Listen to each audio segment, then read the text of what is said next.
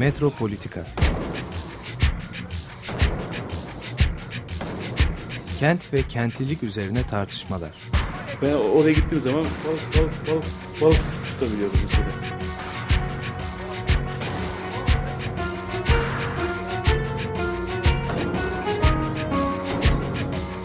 Hazırlayan ve sunanlar Aysim Türkmen ve Deniz Gündoğan İbrişim. Kolay kolay boşaltamadı. Yani elektrikçiler terk etmedi Perşembe Pazarı merkezini.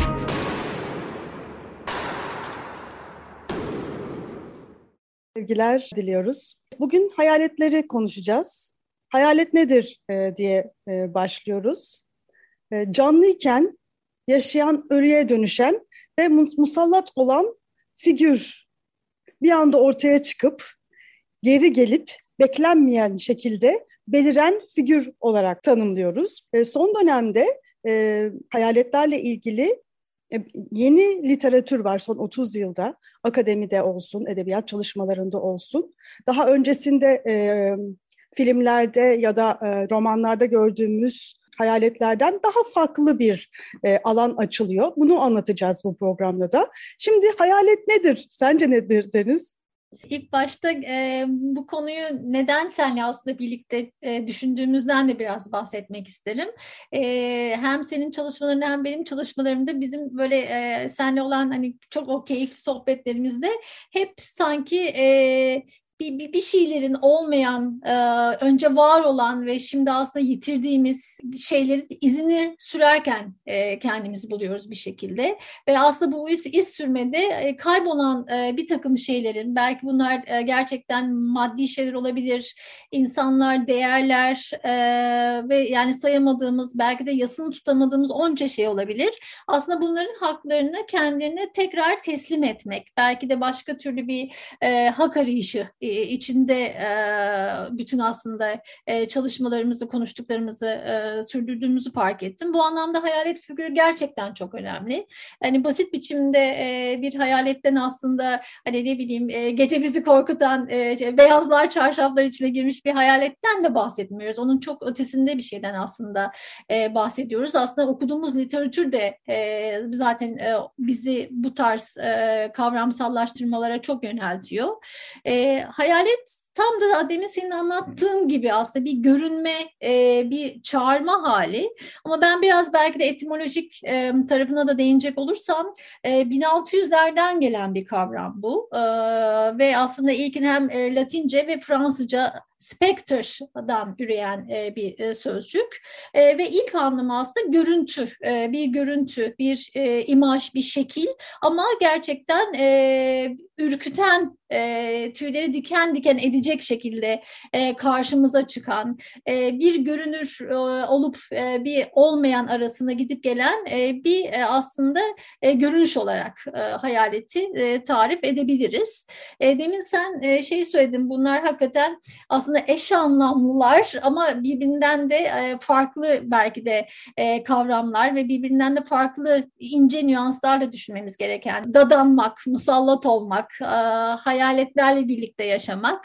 Bütün bunlar aslında bugün konuşacağımız ve katman katman açmaya çalışacağımız sen de söyledin edebiyatta, sinemada, sanatta, felsefede, sosyolojide aslında bütün birbirine değen disiplinlerde katman katman aç açmaya çalışacaklarımızdan diye düşünüyorum. Spekter'in e, sen etimolojisini biraz anlattın. Aslında spekterle ghost İngilizce'deki bu iki kelime Türkçe'de tek bir şekilde hayalet olarak ifade ediliyor. Halbuki İngilizce'de e, spekter senin de dediğin gibi görünümü aslında ghost ruhsa, e, hayalet ruhsa ruh anlamındaysa spekter bu hayaletin görünümü anlamında kullanılıyor. Spekter de Türkçe'de de kullanılıyor hatta spektrallikler diye de geçiyor. Kendini gösteriyor spekter ve onu görene de musallat oluyor. Bu yeni dönem e, kavramsallaştırılma halinde de tarih içinde adaletsizliklerden kaynaklanan şekilde musallatlıklar e, oluşuyor. Bu adaletsizlikler henüz anlat, anlaşılamamış, tam olarak bilinmemiş, ifade edilememiş bir halde hayaletimsi, spektral bir biçimde şimdiki zamanda yaşamaya devam ediyorlar. Bizim bu musallatlıkları kavramak ve ele almak için yeni bir bakış açısına ihtiyacımız var. Yeni şekilde görmeye ihtiyacımız var. Çünkü mevcut bakış açılarımızla, çerçeve, çerçevelerimizle, düşünce biçimlerimizle anlamamız çok zor. Farklı dilde ifade ediyorlar, farklı biçimlerde, izlerde kendilerini görünür kılıyorlar. E, bu anlamda materyalist e, yanımızı bırakmadan ama duyusal ve duyumsal bir boyutu da birleştiren yeni bakış açıları oluşturarak bakıyoruz. E, buna Derrida e, hayalet bilim, hantoloji adını vermiş. Teorik ama aynı zamanda da bir etik yönü olan e, yapı sökümü aslında hayalet bilim. E, bildiğimiz o deconstruction, dekonstrüksiyonun aynı zamanda da bir etik yönün altını çiziyor. Bu etik yönde ötekisinin yani bilemediğimiz, anladığımız, gördüğümüzün ötesinde duran ötekisinin anlama, koruma, ona zarar verme sorumluluğumuz sorumluluk yüklüyor bize. Hayalet dediğimiz ya da spekter dediğimiz senin de söylediğin gibi sorumlulukla açılan bir görev yüklüyor bize. E, Derrida'dan bahsettin aslında tam da Derrida'nın yapı sökümü, e, Derrida'nın bize önerdiği yapı söküm ilk andan itibaren zaten etik politik meselelerle ilgili e, kendisi de zaten bunun üzerine çok çok yazıyor e, ve kendisi de aslında yapı söküm literatürünü ilk oluşturduğu zaman e, bu etik politik meseleleri düşünerek bunları yazıyor. Bu programda aslında hani e, hayaleti konuşurken, spectre dediğimiz şeyi konuşurken aslında e, Derrida'nın 1993 yılında kaleme aldığı Marx'ın hayaletleri metninden bahsetmememiz olaksız. E, çünkü tam da senin söylediğin gibi hani başka bir yerden bir tarih çağrısı Marx'ın hayaletlerinin e, ana e, aslında kalbini oluşturuyor diyebiliriz. E, Derrida bu metni yani Marx'ın hayaletleri, Spectres of Marx'ı 1993 yılında kaleme alırken e, aslında William Shakespeare'in Hamlet oyunundan e, yola çıkıyor. O Hamlet'in e, babasının hayaletinin e, varlık ile yokluk arasında salınan e, güçlü bir metafor olarak bu hayalet figürünü ele alıp hayaleti de aslında bir metafor olarak ele alıp e, mevcudiyet, na mevcudiyet e, arasında gidip gelen e, ve bu gidip gelmeyle bize başka türlü bir tarih öneren, tarih yazımı öneren, belki de bu düz çizgide ilerleyen e, yekpare tarihi sekteye uğratan e, bir aslında hikaye önümüze e, sürüyor. E, bu anlamda da aslında yapı sökümü gene e, metnin altına oymayı e, kullanıyor. E, bu anlamda da farklı bir adalet çağrısı var bu diyebiliriz. Yani tarihsel kronolojinin doğrusal ve e, indirgeci e, yapısını bozuyor bu anlamda post yapısal düşünceyle tabii ki benzerlikler taşıyor. Zaten Derrida'nın yapı sökümü mantığı da post yapısal düşüncenin içinde e, var oluyor.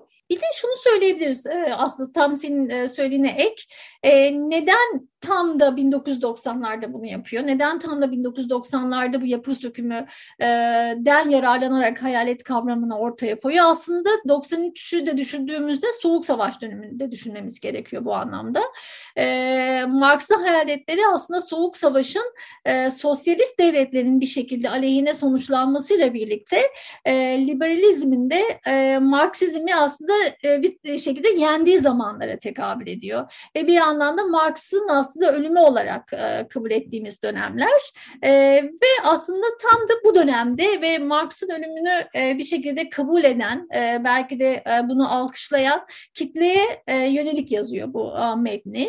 E, dünyada bir yanda e, açlık ve sefalet aslında kol gezerken e, bir yanda da kapitalizmin çok yükseldiği zamanlar bunlar. Kapitalizmin varlığının çok kutsandığı zamanlar. E, bu anlamda da Derrida gerçekten e, buna büyük bir karşı çıkışla e, hayaletler üzerinden e, bizi düşünmeye sevk ederek e, Marx'ın hayaletinin aslında Avrupa'yı hiç terk etmediğini, Avrupa'da kol gezdiğini e, söyleyerek e, senin de söylediğin şekilde e, etik ve adalet adaleti e, farklı bir şekilde önümüze seriyor diyebilirim. Derrida şey diyor, e, Marx Komünist Manifesto'da Avrupa güçlerine musallat olan komünizm hayaletinin devrim yoluyla hayalet olmaktan çıkacağını ilan ediyor diyor Marx manifestoda. Çünkü bir kez toplum devrim gerçekleştirdikten sonra komünizm hayaleti bizzat kendini gösterip sunuyor ve artık hayalet olmaktan çıkıyor. Böylece hayaletin kaybolduğuna, ölülerin kaybolduğuna inanıyor Marx. Bu açıklama Derrida için ciddi bir mesele. Ee, aslında kitapta Marx'ı selamlamış olsam bile diyor, bu konuda söylediklerim onun söylediklerine temel bir suskunluk olarak düşünülebilir. Hayaletlerin ortadan kaybolmasına çağrı yapıldığında kişi kendisini devrimci hareketin kendisini oluşturan şeyden yani adalete başvurmaktan mahrum bırakır. Buna Derrida mesihlik diyor. Bu adalet fikri, yapı sökümcü mantığın etik tarafı tekrar tekrar karşımıza e, çıkıyor. Mutlak başkalık figürü olarak. Hayalet dışımızda olmasına rağmen bir yandan da içimizde var oluyor. Ötekisini kurban etmeden, asimile ya da reddetmeden açık bir ilişkisellikle birlikte yaşama imkanı arama yoluna e, imkan açıyor ve tahmin edilemez bir öteki. Yani bildiğimizin sınırlarının dışında. Onu bilmeme halimiz önemli burada. Evet ve aslında tam da e, senin söylediğin gibi onu bilmeme hali, onun biricikliğini belki de kabul etme hali e, Derrida'nın bize önerdiği belki de en önemli e, yaklaşımlardan biridir. E, çünkü aslında Derrida bu Marx'ın hayaletlerini yazarken bir anlamda kendisine de musallat olan hayaletlerden çok bahsediyor. Yani kendi özel e, deneyimlediği e, ve özellikle e, hatırlayabildiğim kadarıyla Güney Afrika'da apartheid'e karşı giriştiği verdiği e, direnme hareketlerinin, e, apartheid'in mesela azınlık konumundaki bir e, partiye kendini yeniden adayan e, bir e, figürün galiba Chris adı Chris Honey'nin e, hayaletleriyle birlikte e, e, sorgularken, bütün bunları sorgularken kendini buluyor.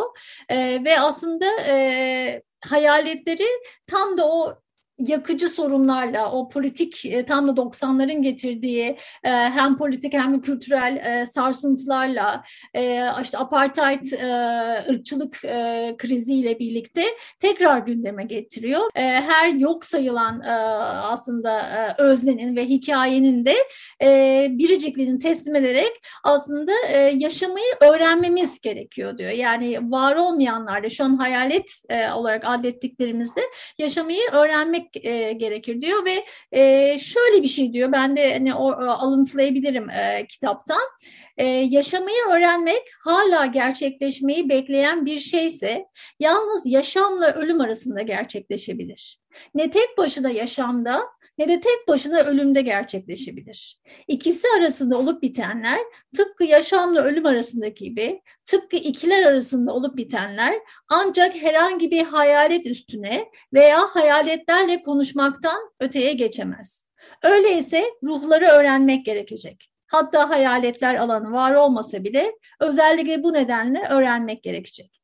Yani hayaletlerle birlikte öğrenmek gerekecek diyor. Hayaletlerle birlikte e, yaşamak, e, dostlarımızı, yoldaşlarımızı, yaslarımızı hayaletlerle birlikte belki de e, deneyimlemek e, gerekecek diyor ki hani bu da gerçekten hani bir etiği ve e, bir adalet e, haykırışını e, imliyor diyebiliriz.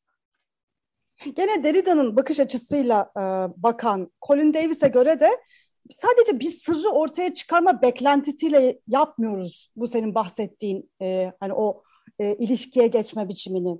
Bir bilmeme halinde durmamız gerekiyor.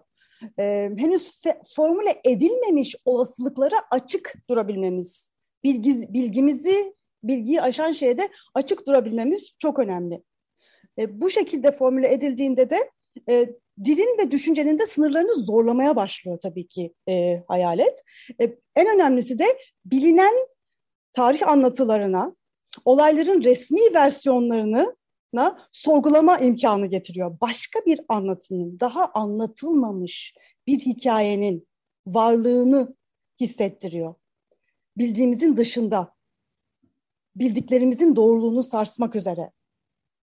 Aslında diyor e, tarih içindeki bir sürü hayalet hikayesi ve bu, onlara duyulan hayranlık da bu tarihin anlatısal olduğuna yani bir sürü hikayenin tarih içinde var olmuş olduğuna dair bir farkındalığın yansımasıdır diyor.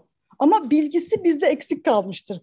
İşte e, musallat olarak hayalet bize bu eksikliği fark ettirir. Bir sürü bakış açısı varken sadece bir tanesi öne çıkıp o diğer bakış açılarıyla rekabet etmiş ve onlara rağmen öne çıkmıştır. Yani onlara yenik düşmüştür. Dolayısıyla bu yenik düşmüş bakış açılarını açığa çıkararak tarihin yeniden anlamlandırılmasına imkan sağlayabiliriz. Yaşanabilirdi. O, o şekilde de yaşanabilirdi. İmkan vardı ama yaşanmadı. Bu değil diğeri oldu. Bu imkan neden olmadı? Olmuş olanla ilgili gerçekleri daha geniş boyutta görmemizi sağlar. Olması mümkün olmuş ama gerçekleşmemiş imkanlara bakarak bambaşka bir genişlik içinde bütün tarihi yeniden görebiliriz çok açık, açıklık. Yani imkan e, benim e, zihnimde hep açıklık. E, ve birbirine eklenen aslında böyle hani rizomatik bağlarla birbirine eklenen bir e, akış, bir e, yaşam tahayyülü. Aslında Derrida'nın biraz imkan dediği, e, hayaletlerle birlikte imkan dediği o, o, o olmamış e, ama hani alternatif bir yerden e, bakma dediği aslında iz, iz konusu. E, burada Derrida'nın e, iz kavramı yani trace kavramını da almadan geçemeyiz. Çünkü aslında hayalet dediği, e, Derrida'nın o görüntü dediği şey e, tamamen elle tutulabilir, evet karşımıza çıkan bir şey değil. Biz ancak onun bilgisine, e, belki de onun hani pratiğine izleri takip ederek yani bu olmamışsa, o olmuşsa onun izleri nelerdir e, diye izlerden yola çıkabiliyoruz. Derrida aslında şöyle diyor, e, iz bundan sonra hayatta kalmasını umduğum şeydir diyor. Yani izin de aslında bir içinde bir umut, umudu taşıdığını. E, sen demin musallattan bahsettin. Belki musallatı da e, biraz umutla ilişkilendirmek de e, burada mümkün olabilir. E, böylece mevcudiyet yokluğun iziyle hayatı işaret etmiş oluyor Derrida.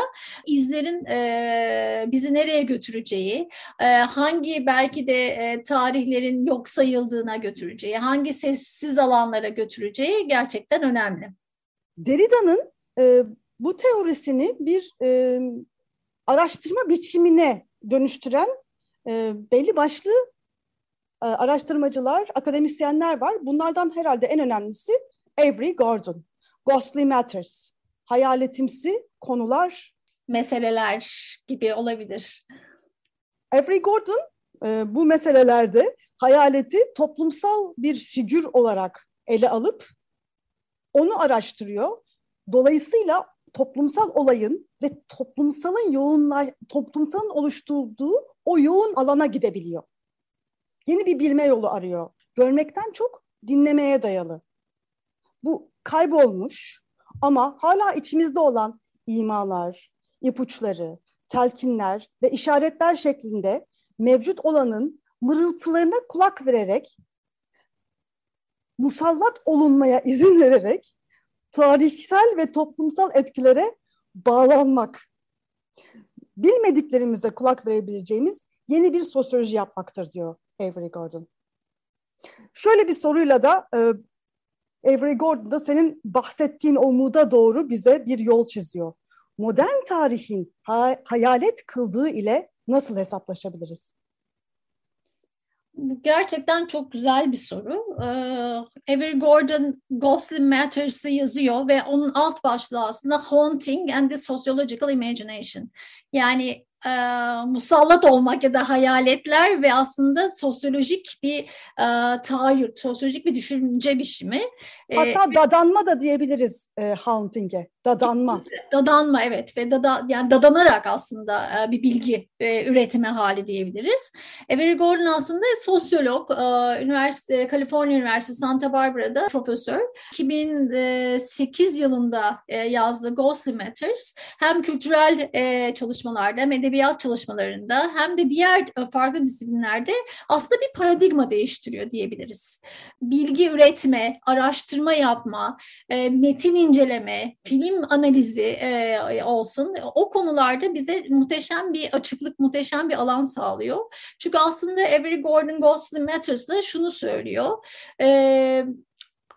Irk, toplumsal cinsiyet, sınıf gibi e, çok kompleks e, kesişimlerin olduğu e, yerde e, bir şeyi bilme, tek düze bir biçimde gerçekleşmiyor diyor. Ve tam da senin söylediğin o mırıldanmalara, e, sessiz çığlıklara, fotoğraflara, fotoğrafların aslında bize yansıttığı izlere, e, yüze, yüzün fizyonomisine, yüzlerdeki gene e, izlere, bütün bunlara odaklanarak aslında tam da geçmiş olmayan, yani artık gözle görülmeyen ama izlerinin çok farklı biçimlerde, mekanlarda, insanlarda, yeryüzünün tümünde kaldığı e, bir canlılığı aslında e, bize gösteriyor. E, bir başka türlü bir canlılığın izini sürüyor ve bunu yaparken de aslında gene Benjamin'in e, tarihi anlayışından çok etkileniyor. Derrida'nın gene e, Marx'ın hayaletleriyle çok sıkı sıkıya konuş, konuşuyor e, ve özellikle sosyolojide e, farklı bir şekilde araştırma, e, yöntem geliştirme ve pedagojik olarak da aslında e, bizi yönlendiren e, bir gerçekten büyük bir çalışma anlatıyor diyebiliriz. Avery Gordon yazarın eserini derinden inceliyor. Luisa Valenzuela ve Toni Morrison. E, Luisa Valenzuela'nın He Who Searches e, romanı, arayan kişi, erkek kişi. E, Toni Morrison da Beloved, sevilen romanı. Bu yazarların e, nasıl tarihsel anı, anımızın politikliğini teşhis ettiklerini ve işleri düzeltmek için yaratıcı entelektüelliklerini kullandıklarına bakıyor. Modern kapitalist devletlerin tahribatını en iyi göre, görebilen siyasi yorumcular olarak sunuyor bu yazarları.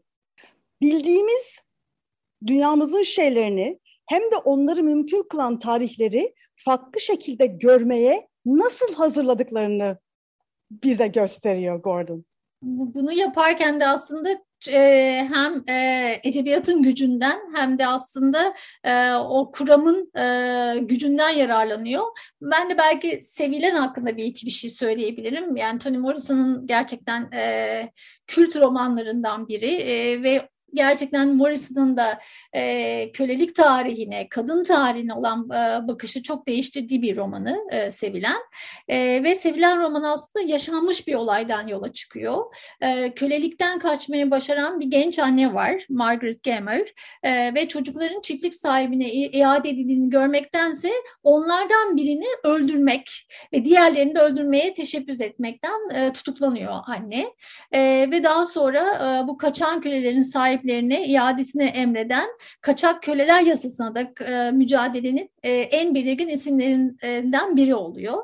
E, ve bir kölelik tarihi açılıyor aslında önümüzde. Konuşulmayan, Amerika'nın da hala konuşmaktan e, kaçtığı bir e, siyahi e, tarih ve kölelik tarihi önümüze açılıyor. E, ve öldürülen bebek hayalet olarak e, geri gelip e, musallat olup e, bir bebeğin belki de hani mırıltılarıyla e, bir çocuğun e, bakış açısıyla musallat olup e, e, o bize kölelik tarihini e, tekrar hatırlatıyor. E, yani hem var olan hem de var olmayan e, bir şekilde e, farklı bir yerden e, bize bir e, adalet çağrısını duyuruyor. E, bu anlamda da e, Gordon'ın e, hayaletlerle birlikte yani o ghostly matters dediği hayaletimsi maddeler e, aslında e, hem var olan ama gözümüzde görmediğimiz ama onun kalıntılarına e, bir var olup bir yok olan kalıntılarına e, vakıf olduğumuz yerden okuyor Morrison'ı. E, bu anlamda da aslında ölümün e, unutulmamasına, e, yaşanılan kıyımın unutulmamasına, e, bedenin çok farklı bir şekilde geri gelmesine, belki de Hamlet'in e, babasının hayaleti gibi e, geri gelmesine e, olanak sağlıyor. E, bu anlamda da Gordon'un jesti aslında romanı e, bize evet sadece bir hayalet var ve o geri geliyordan çıkartıp e, onun e, aslında hiç söylenmeyen e, taraflarını, söylenmeyen ya da keşfedilmeyen e, izlerine doğru bizi çekiyor. Gordon'ın e, bütün bu çalışmalarında e, radikal bir siyasi değişim getirme arzusu var. Ütopyayı, ütopyacıyı, ütopyayı tahayyül etmeyi yeniden canlandırma arzusu var. Ciddi bir e, siyasi derdi var e, Gordon'ın. Bu ancak onun için sınırların ötesinde düşünerek yeni öznellik ve toplumsallık biçimleri oluşturulabildiğinde ortaya çıkacaktır. Gordon bunun metodolojisini kendi yoluyla işte hauntology ile e, hayaletlerle yapıyor. Neyin kaybolduğuna ya da hiçbir zaman sahip olmadığımıza dair bir duygu geri getirildiğinde bir özleme biçimi olarak ortaya konduğunda ancak bu ütopyacıyı yeniden canlandırma imkanı ve iyileşme arzusu mümkün olabilir diyor. Hayaletin ütopik, ütopik bir lütfudur bu diyor. Bir kederi aslında teşvik eder diyor. Kaybettiklerimiz için, asla sahip olamadığımız şeyler için ve tabii ki burada Walter Benjamin'in de bahsettiği dünyevi aydınlanmanın imkanı için var olmuş olanın başka türlü olabileceğini anladığımız anın, o anın, o içgörüsünün özlemini çekmek için. Çok çok güzel söylüyor değil mi? E, ve e, bütün bunları aslında bellek ve hafızaya ilişkilendiriyor. E, ve şunu söylüyor, e, bellek e, ya da hafıza diyebileceğimiz şey aslında musallat olur. Hafıza dadanır diyor bir şekilde. E, ve Gordon'un aslında büyük e, jesti şurada saklı. Yani bu hayaletlerin e, böyle e, hayaletler dünyasında ya da çok soyut bir dünyada yaşamadığını bize söylüyor. Tam da günlük hayatımızın tam da içinde e, kendi dertleri olan, kendi e, belki de e, niyetleri olan, kendi arzuları olan e, varlıklar olduğunu söylüyor ve gerçekten de tam e, günümüzde yaşadığını, bizimle beraber yaşadığını söylüyor. Sevilen'deki karakterler de öldürülen bebek, Seten'in öldürülen bebeğinin e, anıları da aslında e, gerçekten çok e, olağan hayatlarda, gündelik hayatlarda karşımıza çıkıyor. Şu anlatıya da doğru gidiyor. Yani özellikle Morrison e, ve Hayaletler ve Gordon'ın e, Morrison'ın incelemesi aslında Amerika'nın da bugün nasıl kölelik anılarıyla, kölelik e, belleğiyle birlikte e, gündelik biçimde, sistematik biçimde yaşadığını, bununla e, yer yer mücadele ettiğini ama çoğu zaman da bunu görmezden geldiğini söylüyor. O yüzden bu hafıza dadanır ve hafıza aslında içimizde e, ve günümüzde ve e, tam da yaşantımızın belki de göbeğinde e, demek e, Gordon'un bence en e, herhalde harikulade jestlerinden biri. Evet, e, hayaletlere kapıldık. Bize dadanan hayaletlere kapıldık. Müzik arası vermeyi atlamak üzereyiz. Aç Hayaletler grubundan dinliyoruz. Hungry Ghosts'tan dinliyoruz. Waltz. Evet, Hungry Ghosts'tan dinledik. Waltz. E, Deniz Gündoğan İbrişim'le birlikte e, hayaletleri konuşuyoruz. Hayaletler üzerine olan literatürden biraz bahsettik e, Avery Gordon'un özellikle Ghostly Matters, e, hayaletimsi meseleler kitabı üzerine uzunca bir konuştuk. Avery Gordon'ın hayaletleri oldukça materyalist bir şekilde tanımlıyor ve aslında mekanlara e, vurgu yaparak bir hayaletin mekana dadandığını söylüyor. E, daha çok mekanlarda onu göre, hissedebileceğimizi, izlerini görebileceğimizi söylüyor. Çünkü bu mekanlarda eski sosyal ilişkiler, bildiğimiz, e, bilmediğimiz tarihi ruhlar bu mekanları doldurmuştur. Palimpsest olarak yani önceki formlarının, yaşama, yaşanmışlıklarının, üst üste birikmişliklerinin izleri o mekanda taşınır. Fiziksel bir yerin, var olan bir mekanın toplumsal deneyimlenişi aslında o yere musallat olmuştur diye tanımlıyor Uriel Orlov'da. Biz e, 1980 ve 90'lardaki e, medyada olsun, televizyonda ya da sinemada ya da edebiyatta olsun e, hayaletlerin popülerleştiğini bahsetmiştik ama 1850'lerden itibaren bu Viktoryen dönem edebiyatta da e, en çok karşılaştığımız figürlerden bir tanesi hayalet.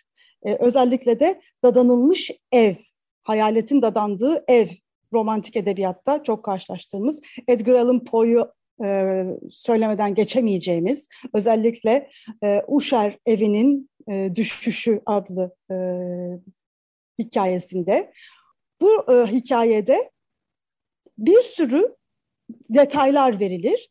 Genel olarak hiçbir detay aslında fazlasıyla ürkütücü ya da korkutucu değildir. Aslında sadece bildiğimizi bize yabancılaştırarak, bildiğimizi tekinsizleştirerek bize gösterdiği zaman dadanılmış, musallat olmuş ev olduğu hissi gelir bize.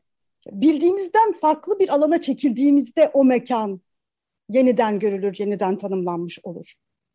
Anthony Widler da e, Victor Hugo'nun hayaletin dadandığı ev üzerine e, yazdığı metinde şöyle şeyler söylüyor. Terk edilmiş evler gerçek ya da hayali olabilir. Odalarda yaşar gölgeler.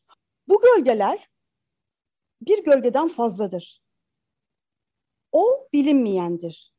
Korkuyla korunan ev, Hugo anlatıyı geliştirirken musallattan etkilenmeyenler için paradoksal olarak güvenli hale gelir. Kaçakçıların, döneklerin, sürgünlerin, kaçakların evi olur. Bu kadar rahatsız edici bir mekanda sadece toplumdan dışlanmışlar kendilerini evinde hisseder. Evde işlenen bir suçun efsanesi asla silinmez bir eylem, şimdiki zamana yeniden katılır ve hatıralar tarafından öldürülen evin çemberi soyguncularının yaşadığı bir mezar görüntüsünde tamamlanır. Ev de insan gibi bir iskelete dönüşebilir. Onu öldürmek için bir batıl inanç yeterlidir. O zaman korkunç hale gelir ötekinin yuvası olan aslında hayaletlerden bahsediyoruz. Ötekinin yuvası olan hayalet evden e, belki de böyle bir enkaz evden aslında bahsediyoruz. Victorian e, dönemde de e, çok gördüğümüz hayalet hikayeleri e, bütün o mekanı e, bir tekinsiz hale dönüştürdüğü zaman e, aslında önümüzde büyük bir açıklık geliyor. Mesela o dönem yazarlarından işte Elizabeth Gaskell, Charles Dickens, Robert Louis Stevenson gibi yazarlar e, hayaleti hem evde hem evin o tekinsiz doğasına yerleştirirken hem de aslında evle birlikte çok ilişkilenen evin genelde evleri evlerin tam e, dibinde ya da birazcık ötesinde olan mezarlıklarla da çok ilişkilendiriyor. E, ve mezar da aslında baş, evin başka bir formu olarak karşımıza çıkıyor. E, ve genelde e, hayaletler ya evin böyle ücra köşelerinden e, e, böyle koyu karanlık e, bölgelerinden e, ya da mezardaki işte toprağın altından bize seslenen e, aslında e, bütün bu hani suçluları öteki adledilen bütün e, belki de figürleri e, onlara kucak açan e, bir yerden e, sesleniyor. Bu anlamda da e, romanlara baktığımızda özellikle e, hayalet kurgu romanlarına baktığımızda e, sınıfsal, cinsiyete dair, işte ırka dair aslında e, bütün ötekileştirme politikalarını da çok net orada görebiliyoruz. Yani Charles Dickens'ın e, mesela e, sınıfla ilgili problemini, Elizabeth Gaskell'ın o dönem e, kadınlık ve erkeklik e, normlarını e, ve e, rollerini hayaletler üzerinden incelediği, e, ev üzerinden, evin hayaletleri, mezarların e, mezarlardan konuşan hayaletler üzerinden incelediği e, ve aslında önümüze e, başka bir e, portre çizdiği bir aslında e, kocaman bir başka bu kesinlikle başka bir programın da konusu olabilir. E, kocaman bir aslında türden e, hayalet e, hikayelerinden e, bahsetmek mümkündür. Dışlanmışların mekanı deyince şehirdeki dışlanmışlardan da bahsetmeden olmaz. Şehirde bildiğimiz sınırların dışında hayal edilen mekanına da varoş adı veriliyor. Bu varoş diye nitelenen mahallelerde gezinirken e, bir e, site duvarının üstünde bir izle karşılaşmıştım. Mavi silik bir şekilde yazılmış bir duvar yazısıyla karşılaşmıştım. Çekinlen duvarı teli insan gibi yaşayın. O günden beri bu yazı bana dadandı. Bu yazıyı yazmış olan, yazıyı yazdıktan birkaç ay sonra hapse girmişti ve ben e, yıllarca e, bu insanı hiç görmedim. Çekmeköy Underground diye kurmaca bir film e, yapmıştım. Bu yazıdan çıkmıştı e, bütün e, film. Bu yazı üzerine e, bugünlerde yeniden ve yeniden e, düşünüyorum. Özellikle de e, sevgili e, Deniz'in de bana tanıttığı Avery Gordon e, sayesinde e, ve o yazıyla bana dadandığını düşündüğüm e, hayaletle e, konuşmaya çalışıyorum. E, bu Avery Gordon'ın izinde. Dadananla konuşmak e, kaybolmuş olanı hayal etmeye izin vermektir demişti Gordon. E, kaybolmuş e, olan neydi diye e, düşündüğümde başka sorular da e, geliyor. E, ne olabilirdi ama olmamıştı? Neyi kaçırmıştık? O kaçırdığımız an, o imkan neydi? E, bu yazı bize duvarların yapıldığı gibi e, kaldırılabileceğini de söylüyordu. Demek ki kaldırılabiliyordu duvar. E, ama ben e, o yazıyı gördüğümde varlıkları çoktan kanıksanmıştı. Yani 10 senedir e, jiletli telli site duvarlarıydı bahsettiğimiz. Yani böyle bir duvarın hani kaldırılabileceğini e, insan orada düşünmüyor aslında. Yani kanıksanmış oluyor işte. A, hatta yeşillenmiş o duvarlar. E, üzerlerinde artık e, bir sürü sarmaşık var. E, insanlar o duvarlarla birlikte hemhal olmuş. Hayvanlar aralarından geçiyor jiletli tellerin. Ama bu duvarların kaldırılabileceğini hayal etme imkanı veriyordu o silik yazı. Duvarlarla, site duvarlarıyla ayrıştırılmamış bir mahalle olabilir. E, hatta diyordu ben bana artık öyle demeye başlamıştı bu hayaletim. Bir zamanlar vardı böyle bir e, gece kondu mahallesi ve belki de yeniden hayal edilebilir. Bu bu kadar imkansız değil. E, ayrıştırılmamış, insanca yaşayacağımız mahalleler hayal edilebilir. Tam Avery Gordon'ın da bahsettiği gibi ütopyacı bir şey vardı. Duvarlar olmadan yaşamalıyız. Böyle bir arzuyu, böyle bir devrimci bir e, hissi ifade ediyordu. Bu kadar ayrıştırarak insanca yaşayamıyoruz. Bu yazıyı e, gördüğümden e, yaklaşık 12 sene sonra yüz yüze karşılaşmış olduğum Aykut Gemici yıllar içinde e, bir filme girdi, başka bir karakter oldu. E, yıllarca kafamda bir hayalet gibi yaşadı ve bana çok şey anlattı. Mahalleyle ilgili çok şey söyledi. Bir filmin oluşmasına sebep oldu. E, sevgili Aykut Gemici'ye de buradan selam gönderiyorum biraz önce şarkı aramızda da önce söyledin. E, palimpsest dedin mesela, parşömen dedin.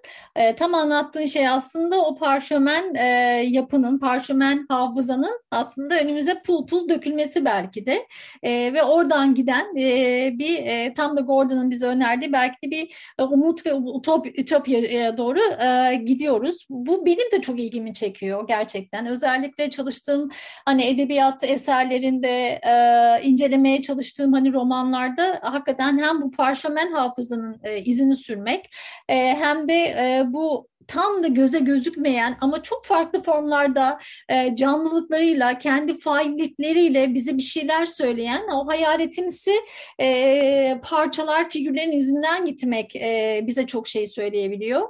E, ben de doktora tezimde özellikle e, Orhan Pamuk bölümünü incelerken, Orhan Pamuk üzerine yazarken, kar romanı üzerine yazarken e, şunu fark ettim. Mesela kar romanı çok aslında siyasi bir roman. E, belki de hani Orhan Pamuk'un e, kendi deyimle tek yazdığı siyasi bir roman. Ama Kar romanında e, biraz daha o karakterlerin işte hani doğu batı işte e, sekülerlik ya da İslam e, söyleminin biraz daha dışına çıktığımızda e, bu hayaletlerle birlikte başka bir e, alana baktığımızda ki ben ona yapılı çevre yani built environment adını veriyorum.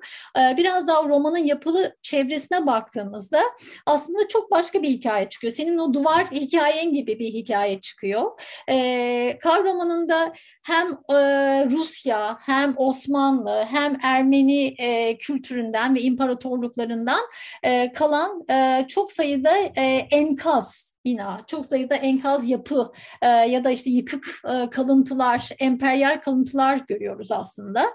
Ve bu, bunlar gerçekten sadece o Derrida'nın söylediği gibi bir birer iz olarak karşımıza çıkıyor. E, çünkü yıkık dökükler, e, tam da o Benjamin'in tarih anlayışı gibi önümüzde yıkık e, bir e, sahnede var oluyorlar. E, ama onlar mesela bize gerçekten çok farklı bir şey söyleyebiliyor. Mesela e, romanda, ulusal tiyatroda e, tam da e, o e, kurgu darbenin gerçekleştiği anda e, silahtan ateşlenen e, o merminin e, duvara çarpması ve o duvardaki kireç taşını e, delmesi ve o kireç taşının ardından çıkan e, yüzyıllık e, işte Ermeni kültürüne ait e, bambaşka bir e, mozaik ortaya çıkıyor. Ama biz bunu ancak bu izlerle birlikte e, anlayabiliyoruz. Bu hayaletlerle birlikte anlayabiliyoruz. E, dolayısıyla e, farklı bir tarihi, sessizleştirilen bir tarihi, söylenmeyen bir tarihi, üstü örtülen bir tarihi de e, geri çağırmış oluyoruz bu bakımda. Biz hayaletleri çağırıyoruz çünkü e, onlarla yüzleşmek ve hem onları hem de kendimizi huzura kavuşturmak için. Ama e, ilk önce onlara tanıklık etmemiz gerekiyor. Bize söyleyecekleri şeyleri duymamız gerekiyor. Daha söylenmemiş olanı veya söylenmiş olsa da dinlenmemiş olanı, duyulmamış olanı, ortaya çıkamamış ve unutulmuş olanı tekrar e, ortaya dökebilmek için. Musallat olanın kendini gösterme haline izin vermek için bir spekter olarak, bir hayalet olarak ve onun huzura kavuşması ve hepimizi yeniden tarihe bakıp daha huzurlu bir şimdi de yaşamaya imkan sağlamak için bir de ge- gelecekteki farklı olasılıklara imkan açabilmek için. Kesinlikle öyle ve burada ben de tanığın anlamını tekrar belki çizmek isterim. Özellikle tanık ve tanıklık e, kavramlarının e, tanığı sadece bizler yani insan olarak belki düşünmek e, gerekmiyor burada. Hayaletlerin de e, tarihsel kategori olarak birer tanık olacaklarını, e, geçmişi çağıracaklarını, geleceğe daha farklı işaret edeceklerini e, düşünebiliriz. Yani e, tanık e, kavramındaki bir e, kireç taşı da olabilir, e, senin e, duvarın da olabilir, e, silinen ve üzerine tekrar yazı yazılan bir duvar da olabilir ve onlar da konuşabilir. Onlar da gayet e, hatta onlar da demek bence yanlış. Onlar konuşabilir. Belki biz e, susabiliriz. Evet. E, bu hafta biz hayaletleri konuştuk. E, tanıklarımızı, tanıklıklarımızı konuştuk. Hayaletlere alternatif e, medyada bu e, son yıllarda başka bir figür var. E, eminim hepimizin sürekli karşılaştığı zombi figürü. Bizim anlattığımız tarz hayaletlerin karşıtı hatta. Hayaletler nasıl bize bazı izleri hissettirerek yepyeni açılımlara götürüyorsa zombilerde bir olmuş bitmişlik, bir sonlanma hali görüyorum. Konuşmuyorlar zaten. E, sadece korkutuyorlar, ürkütüyorlar ve kendileri gibi ya, yapma eylemine sahipler. Başka hiçbir fonksiyonları yok. Gelecek hafta e, biraz hayaletleri gireceğiz ama esas zombilerden bahsedeceğiz. Zombileştirilmiş hallerimizden bahsedeceğiz. E, zombi metaforunun bizim bugün anlattığımız hayalet metaforundan ne kadar farklı olduğuna değineceğiz. Ama bu haftalık bu kadar. İyi haftalar. İyi haftalar.